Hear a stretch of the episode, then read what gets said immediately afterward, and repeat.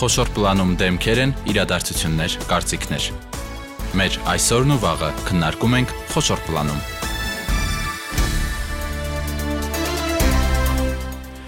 Բարի երեկո, դուք լսում եք Հանրային ռադիոյի երիտասարդական ալիքը։ Իմ ռադիոն այսօր 5 շաբթի է, հետեւաբար սա նշանակում է, որ կրկին մեկ հետաքրիր թեմա ենք քննարկելու։ Վերջերս բազմիցս անդրադառնում ենք կրթությանը, եւ սա մի թեմա է, որին պետք է հաճախ անդրադառնալ, որովհետեւ իսկապես հենց սրանից է կախված մեր պետության ապագան, մանավանդ վերջին իրադարձություններից հետո մենք շատ ժամանակ չունենք եւ պետք է շատ արագ ոտքի կանգնել եւ ճիշտ ձևով դաստիարակել սերնդին։ Կրթությունը 21-րդ դարում կարող ենք այսպես վերնագրել մեր այսօրվա հաղորդման խորը ծրագիրը եւ թեմայի մասին այսօր զրուցելու ենք պատմական գիտությունների տեխնացու դոցենտ Լիլիթ Մկրտչյանի եւ մանկավարժական գիտությունների տեխնացու դոցենտ Աստղիկ Բալայանի հետ։ Բարի երեկո, շնորհակալ եմ, որ ընդունեցիք մեր հրավերը։ Բարի երեկո։ Եթե ընդհանրական հենց այդպես կարճել ձևակերպենք, ինչպեսին պետք է լինի կրթությունը 21-րդ դարում։ Եթե կարճ ձևակերպենք, կրթությունը 21-րդ դարում պետք է 21-րդ դարին հարիր լինի եւ այսօր մենք անընդհատ խոսում ենք այդ մասին, որ փոխվել է ամեն ինչ, փոխվել են առաջին հերթին երեխաները,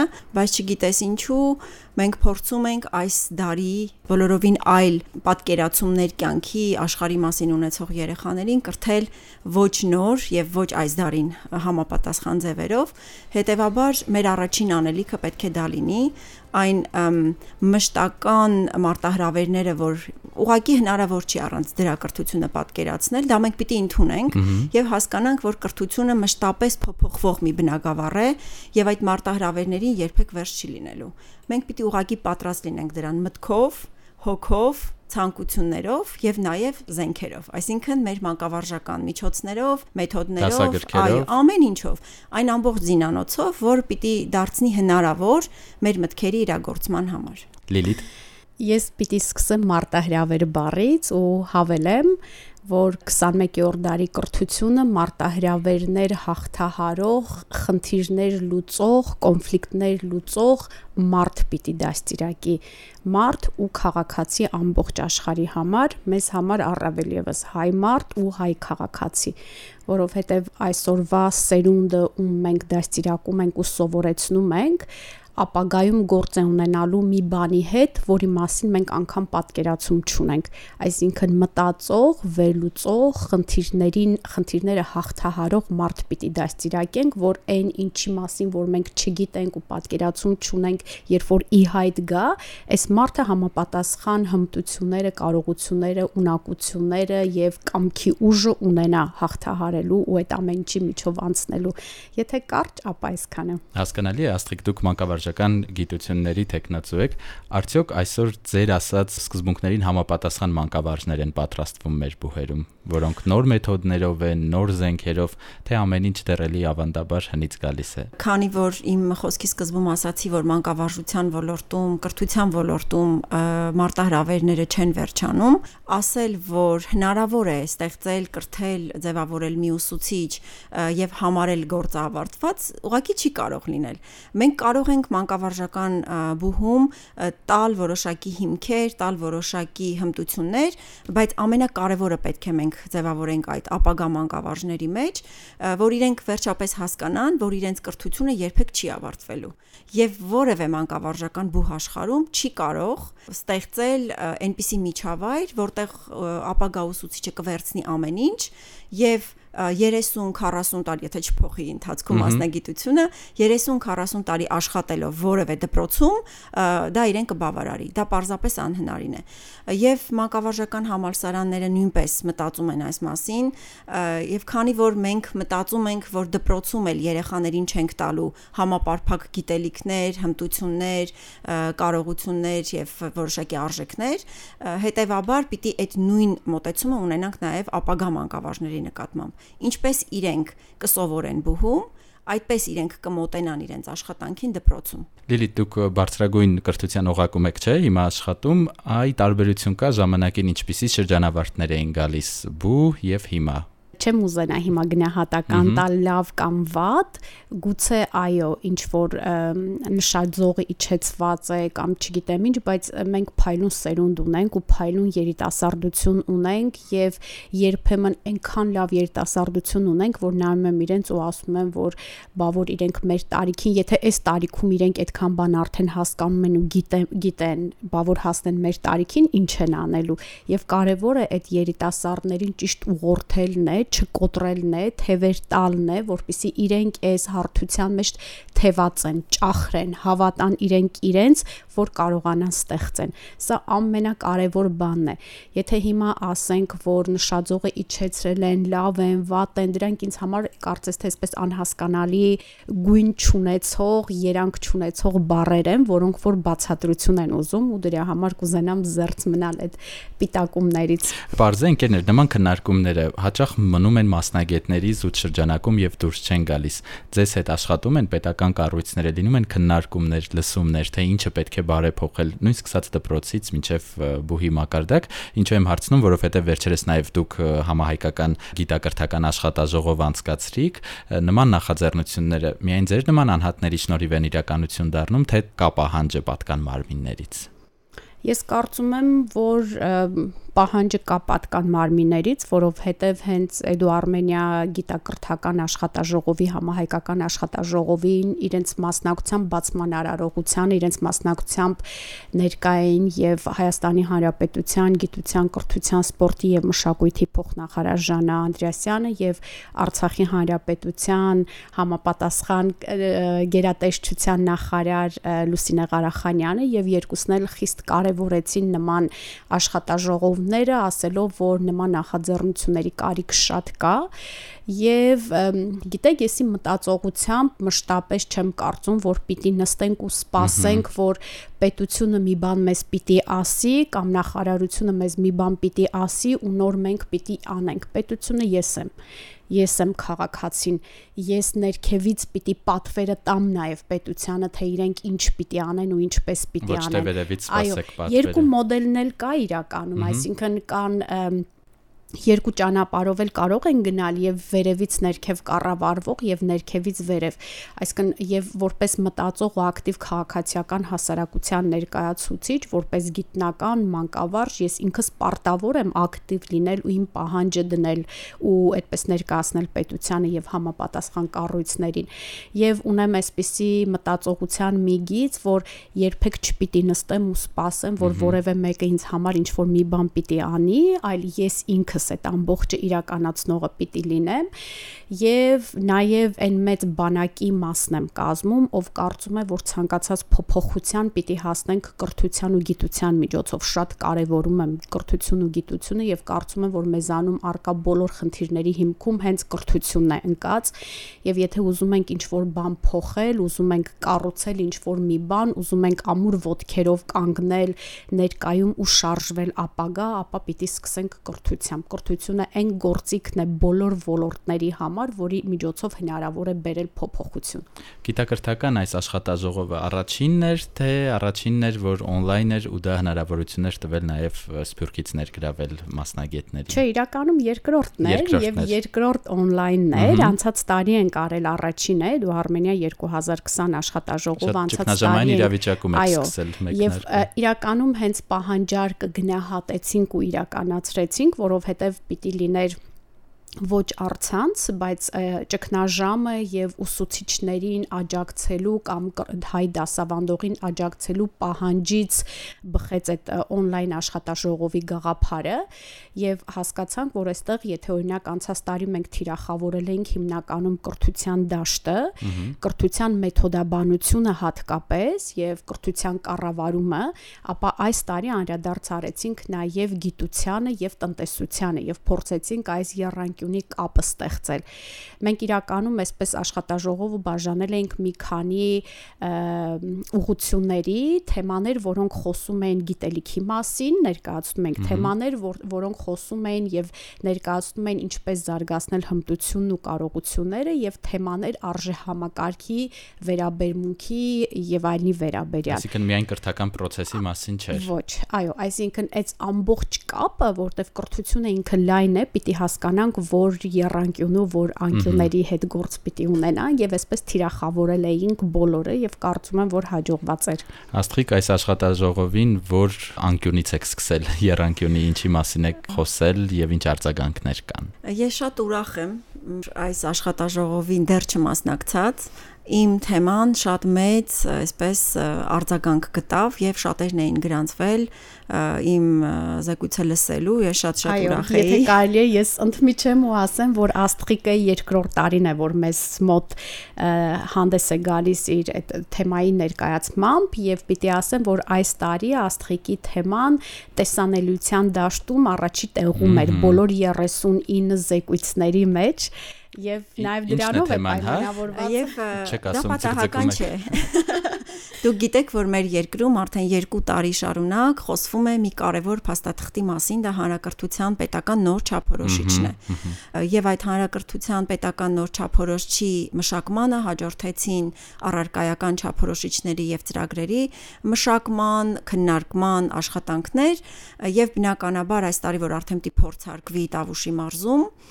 այդ ամենը շատ կարևորեցի ուսուցիչներին ներկայացնել, թե ինչպես հանրակրթության պետական չափորոշիչ օրենքով սահմանված 8 կարողունակությունները մենք կարող ենք տեսնել կոնկրետ որևէ առարկայի տիրույթում։ Ինչպես է դա արտացոլվում եւ ինչպես մենք դրան կարող ենք իրականության իրականություն դարձնել եւ իսկապես յուրաքանչյուր աշխատանք պլանավորելիս հիմքում տեսնել դա։ Եվ ինչ է կարողունակությունը, սկսենք այդտեղից։ Ուրեմն կարողունակությունը 4 շատ հետաքրքիր տարբեր բաղադրիչների ամբողջություն է։ Գիտելիք, հմտություն, արժեքներ, դիրքորոշում կամ վերաբերմունք։ Եվ ես մի հետաքրքիր այսպես միտք դրեցի քննարկման իմ բանախոսության ընթացքում, այն անվանելով միֆ առասպել, որ մասերի գումարը միշտ ամբողջ է տալիս, դառնում, իրականում այս դեպքում այդպես չի, որովհետև մենք ասում ենք գիտելիք, գումարած հմտություն, գումարած արժեք, գումարած վերաբերմունք, միշտ չէ, որ նույն ծավալն է կարողունակության ձևով։ Դա կարող է լինել ավելին, քան մենք սպասում ենք կամ պակաս։ Եվ այդ ամենը կախված է մեր աշխատանքից եւ երեխաներին իրական ուսումնառության մեջ ընդգրկելու մեր հնարավորություններից։ Իհարկե դժվար է հիմա ձեր այդ վիդեո դասախոսություն ամբողջ ովանդակությունը փոխանցել, բայց քանի որ նշեցիք 8 կետեր, հնարավոր է դրանց շատ կարճ անդրադառնալ ինչ կարողունակություններ են որ ներդրված են չափորոշչում եւ պետք է ուսուցիչները կարողանան կիրառել դրանք։ Ես դա կասեմ շատ այսպես ընդհանուր բառերով, որպեսզի երկար ժամանակ էլ մեզանից չխլի, առաջինը վերաբերում է լեզվին։ Երկրորդը վերաբերում է սովորելու կարողությանը։ Ունենք կարողունակություն, որը վերաբերում է մեդիա գրագիտությանը։ Ունենք մաթեմատիկական կարողություն, ունենք սոցիալական հմտություններ, ունենք արվեստ եւ արհեստ հա բնագավառը ներկայացնող կարողունակություն ՏՏ ոլորտի հետ կապված ունեն կարողունակություն եւ տեսեք իրականում այնպես չի որ այս ամեն ինչը նորություն է Պարզապես մենք համոզված ենք, որ 21-րդ դարի քաղաքացին չի կարող օժտված չլինել այս կարողունակություններով եւ շատ դժվար է ուղակի տարորոշել որտեղ է սկսվում գիտելիքը, որտեղ է ավարտվում հմտությունը, որտեղ ենք մենք խոսում արժեքի մասին։ Եվ քանի որ այդ ամենը միշտ եւ միահյուսված են, կարիք չկա այդ ամեն ինչը առանձնացնելու եւ ամեն վարքյան գնահատելու։ Հիմա գիտելիքն է շատ, հիմա հմտությունն է շատ։ Մենք ավելի լավ է նայենք հերուն եւ ակնկալենք, որ երեխաները ավարտելով դպրոցը որոշակի մակարդակով պիտի ձևավորված ունենան այդ 8 կարողունակությունների պալիտրան բայց չենք կարող ասել, որ շրջանավարտների մոտ այդ կարողունակությունների ամբողջությունը այսպես զարգացել է ու վերջ։ Այստեղ է որ մենք խոսում ենք կրթություն ամբողջ կյանքի ընթացքում սկզբունքի մասին, այսինքն դա ողջ կյանքի ընթացքում զարգացող փոփոխվող մի երևույթ է եւ մենք այսօր մեծահասակներս նույնպես անվերջ սովորում ենք եւ զարգացնում ենք մեր կարողունակությունները։ Հենց հիմա ես ձեզանից սովորում եմ օրինակ հետաքրքիր բաներ եք ասում, չափորոշչից խոսեցիք, կամա թե ակամա սա քաղաքականացվեց, դարձավ ցույցերի, անգամ հրաժարականների պահանջի պատճառ եւ հաճախ սրա մեջ լսելի չէին հենց ուսուցիչների ձայնը, նրանց կարծիքները։ Ինչպես են նրանք ընդունել այս չափորոշիչները, աստղիկ երևի հարցը ձեզ է ավելի շատ ուղված, օրինակ տավուշում պետք է կիրառվի արդյոք ուսուցիչները կողմ են։ Տեսեք, ուսուցիչները կողմ են ամեն տեսակ լավ բանի։ Իրենց ոչ թե մտահոգում է այն, որ ինչ որ նոր բան պետք է ներկայացվի կամ իրենք նոր բան պետք է անեն, իրենց բնականաբար մտահոգում է ինչպես են իրենք դա հաջողելու։ Եվ դա նորմալ է կարծում եմ բոլոր պատասխանատու մարդկանց համար, Եվ ես շատ գնահատում եմ մեր ուսուցիչների աշխատանքը եւ կարծում եմ, որ եթե ուսուցիչը տեսնում է, որ ինքը մենակ չէ, նա գիտի, որ ոչ թե իրեն որպես պահանջ է դա ներկայացվելու, այլ քննարկման է դրվելու, իր կողքին մարդիկ են լինելու եւ մենք համատեղ ենք այդ ամեն ինչ իրականություն դարձնելու, որովե ուսուցիչ, ես միշտ սիրում եմ սա ասել, ինքն իր թշնամին չէ, որտեվ ուսուցիչը մայր է, տատիկ է, քույր է եւ այլն, այսինքն ինքը ցանկանում է, որ իր երեխան, իր թորնիկը, քրոջ երեխան լավ կրթության մասնակիցը դառնա։ Հետևաբար պետք չի առանձնացնել հասարակությունից ուսուցիչներին, որպես ամեն ինչ մերժող, չընդունող մի խավի, այլ հակառակը պետք է նրանց դիտարկել այս ամբողջության մեջ եւ հասկանալ, որ մարդիկ ոչ թե չեն ուզում, այլ ուզում են ամեն ինչ հստակ եւ համակարգված տեսնել եւ ես շատ ուրախ եմ, որ իրենք ընթառաջ են գալիս բոլոր լավ բաներին եւ աջակցում են լավ ծրագրերի իրագործմանը։ Լիլիթ վերադառնալով, Ես պիտի ասեմ, թե ուսուցիչները ինչ մեծ պատրաստակամությամբ են գալիս վերապատրաստումներին, սեմինարին կամ աշխատաժողովին, ինչ մասնակցություն են ցուցաբերում, այդ ամբողջը միայն խոսում է նրա մասին, որ ուսուցիչը պատրաստ է նոր բան սովորելու, նորովի ամբողջը մատուցելու եւ ինքը կարևորում է այդ ամբողջը։ Իսկ եթե կարևորում է, դեպքում ինքը անպայման կդառնա այդ գաղափարի կրողը ու դա կտանի կիրառելիության դա դաշտ կտանի դեպի իր աշակերտներ, գործնական ոլորտ եւ իր աշակերտներին էլ այդպես կսովորեցնի ու կկրթի։ Շատ լավ է, որ այդպես է։ Լիլիթ վերադառնալով ընդհանուր աշխատաժողովին, այլ ինչ թեմաներ են քննարկվել, բնականաբար կրթությունն է առանցքում կրթություններ, բայց այստեղ օրինակ սկսած ամենանեղ թեմաներից, օրինակ ինչպես երաշտության միջոցով կարող ենք կրթությունը դարձնել ավելի հաճելի։ Ինչպես արժե ինչ արժեհամակարգի կամ հայի արժեհամակարգի փոփոխության ինչ ճանապարհ է անցել հայը, հա, այսպես դասախոսություն ունեինք ունեինք հանդիպումներ թե բիզնեսի ներկայացուցիչները ինչ աշխատողներ են պահանջում ինչ հմտություններ ունեցող աշխատողներ են պահանջում եւ իրենք նաեւ գործիքներ էին տալիս թե ինչպես պիտի դրան հասնենք էմոցիաները կառավարելու վերաբերյալ աշխատ հանդիպումներ ունեինք սեսիաներ շատ կարեւոր 21-րդ դարում այո ընդ որում այստեղ էմոցիաներն ունենալը ինքը ոչ թե լավ ու վատ է դիտարկվում որպես այդպեսին այլ ճիշտ պահին ճիշտ ժամանակին ճիշտ էմոցիաներ դրսևորելն է կարևորում որը որ այսպես կարմիր գծի նման գնում էր ուզում եմ ասել որ այս անգամ այսպես բազմազան էին, սկսած փուճուրիկ թեմաներից միջև գլոբալ մտածողություն բերող թեմաներ, միջև ինչպես օրինակ անհատական աշխատանքներ իրականացնել, նախագծեր իրականացնել, ոդքասթեր կազմակերպել, ինչպես ոդքասթը դարձնել ուսումնական գործիք եւ զուգահեռ 3 ընթացող 3 օր շարունակ յուրաքանչյուր օր 4 կամ 5 նիստ ենք ունեցել եւ յուրաքանչյուր նիստը զուգահեռ 3 դասախոսություններ են ունեցել, որոնցից մեկը պարտադիր նաեւ on-line live է հեռարձակվել մեր Facebook-յան էջում, այսինքն ոչ միայն Zoom հարթակում մարդիկ նստած լսում էին, այլև on-line էին հետևում ու ասեմ, որ բավականին մասնակցությունը մեծ է։ ռեկորդակիրը աստղիկն է։ Նախապես այո, թեմայի ներկայացման ռեկորդակիրը աստղիկն էր, դիտումների առումով Ես լրացնեմ Լիլիթի խոսքը, այս տարի աշխատաժողովը ինձ համար բացառիկ էր նաև նրանով, որ քիչ առաջ խոսում ենք ուսուցիչների մասին, ամենամեծ թիվը մասնակիցների ուսուցիչներին հատկացված սեսիաներն էին, նիստերն էին եւ երացող կացսա խորագրով այդ նիստերի ժամանակ ուսուցիչները 15-20 րոպեում ներկայացնում էին իրենց աշխատանքի արդյունքները եւ իրենց գործընկերների հետ կիսվում էին հետաքրքիր գաղափարներով Գիտեք սա ինչ է, անցյալ տարվանից ուսուցիչները այնպիսի այսպես արկելքներ էին հաղթահարում, այնպիսի խոչընդոտների առաջ կանգնեցին, որ 1 տարվա մեջ իրենք թռիչքաձև զարգացում ապրեցին, ոչ միայն միանալ Zoom-ով, չգիտեմ, արցանց դասեր կազմակերպել, տարբեր գործիքներ կիրառել, չգիտեմ, նկարահանել, կտրել։ Այսինքն ոչ միայն տեխնիկապես, այլև բովանդակային։ Բայց նաև իրենք վերցրեցին պատասխանատվություն իրենց վրա, հասկացան, որ եթե մենք այսքան բանը կարող ենք այս կարճ ժամանակում սովորել, փաստորեն մենք կարող ենք մեր փորձը ներկայացնել եւ սովորեցին մեր ուսուցիչները շատ կարեւոր մի բան, ես սա շատ եմ կարեւորում, որ այնինչ ես ունեմ, իմն է եւ ոչ ոք չի կարող ինձանից դա վերցնել։ Երբ որ ես կիսում եմ, ներկայացում եմ իմ ունեցածը, գիտելիքը, չգիտեմ, հմտությունը որևէ մեկի հետ,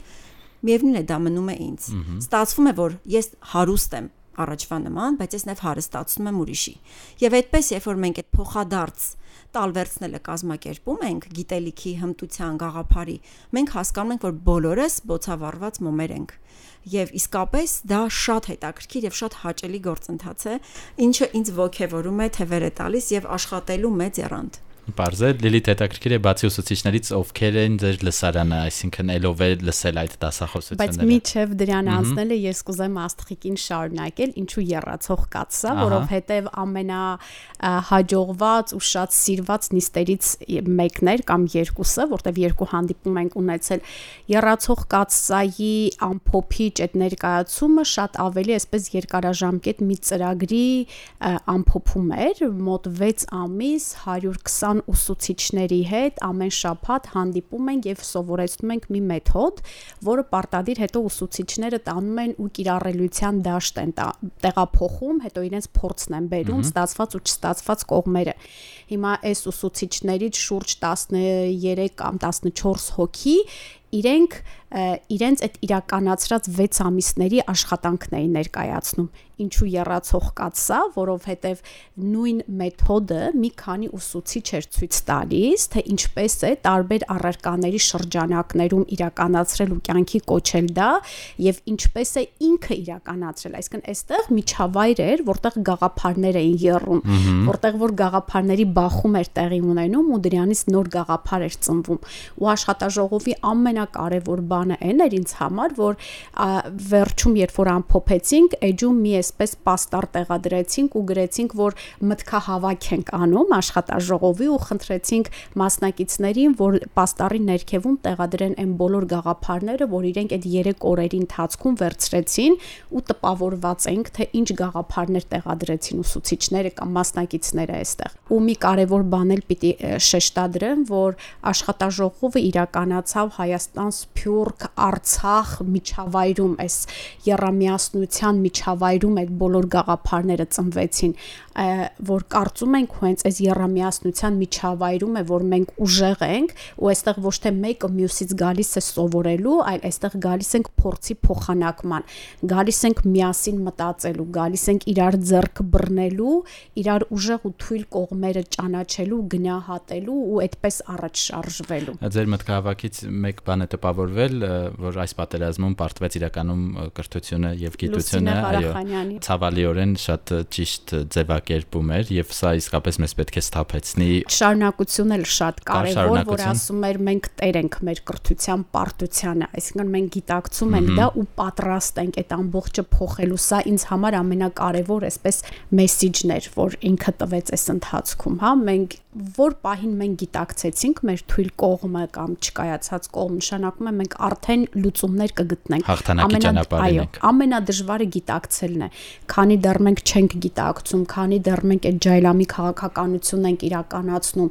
իրեր իրար գովալով շքանշաներ փոխանցելով առաջ ենք գնում հաջողություն չենք ունենա բայց որ պահին գիտակցեցինք մեր բաց կողմերը թույլ կողմերը ու այդ պատրաստակամությունը հայտնեցինք փոփոխելու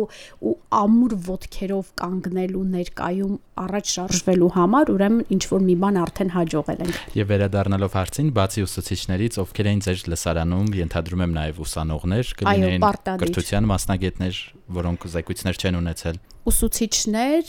դասախոսներ, ուսանողներ, աշակերտներ անգամ ավագ դպրոցի աշակերտներ են ունեցել, կրթության կառավարողներ,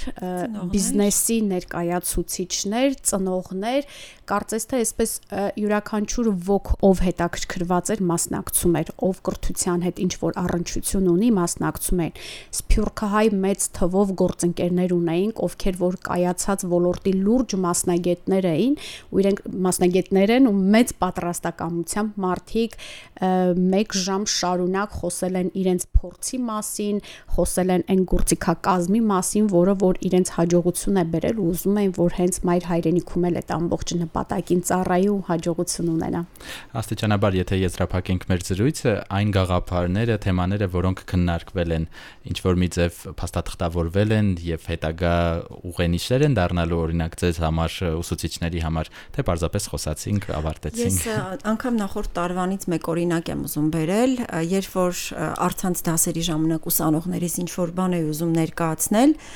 նախապես ուղարկում էի որևէ զեկույցի հղումը, իրենք նախապես դիտում էին, եթե այդ հարցը է քննարկենք, չէ՞ որ արցանց ուսուցումը իր առանձնահատկություններն ունի, եւ նախապես դիտելով հետո ուսանողները միանում էին դասի ու մենք քննարկում էինք որոշակի ժամանակ էինք տրամադրում տվյալ զեկույցի ուրեմն քննարկմանը ես վստահ եմ որ այս տարվա համաժողովի նյութերը նույնպես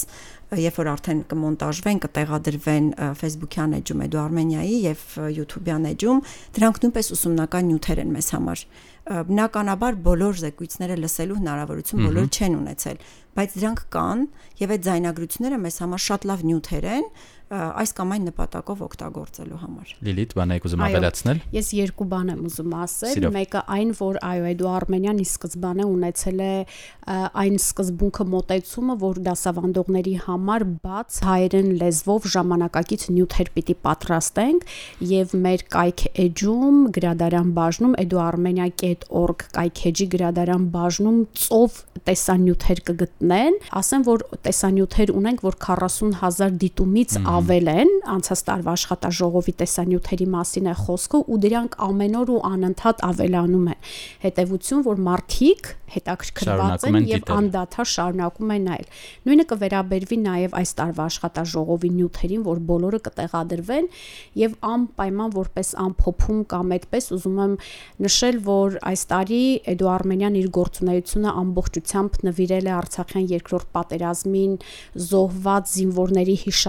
հիշատակին, իսկ աշխատաժողովը այդպես նվիրել էինք Լևոն Մկրչյանի հիշատակին ու նրա զոհված ընկերների հիշատակին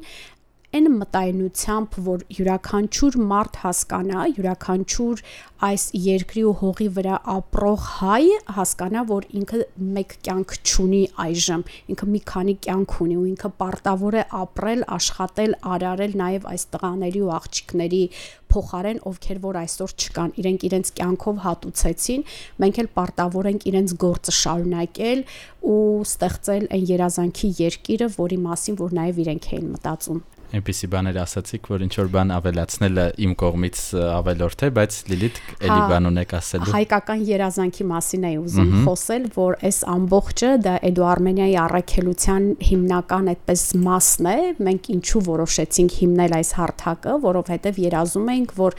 հայկական կրթական համակարգը պիտի դառնա աշխարհում ամենազարգացած կրթական համակարգերից մեկը եւ այս երազանքին միտված, որը պիտի լինի հայկական երազանքի հիմքը իրականացրեցինք, ստեղծեցինք այս հարթակը ու հուսանք, որ իրականում կգա ժամանակ, որ մենք կխոսենք ու կասենք, որ այդ երազանքի ջրաղացին ջուր լցնողներից մեկն էլ հենց եղավ Իդո Արմենյան, այո։ Շատ շնորհակալ եմ, թե այդ աշխատաժողովը կազմակերպելու եւ թե այսօր մեզ հյուրընկալվելու ձեր գաղափարներով կիսվելու համար հուսանք նման առիթներ շատ կլինեն։ Շնորհակալ ենք։ Ես ռադիո լսողներին հիշեցնեմ, որ զրուցում ենք պատմական գիտությունների տեխնացու դոցենտ Լիլիթ Մկրչյանի եւ մանկավարժական գիտությունների տեխնացու դոցենտ Աստղիկ Բալայանի հետ։ Մենք եթեր կվերադառնանք հաջորդ 5 շաբթի, առողջ եղեք։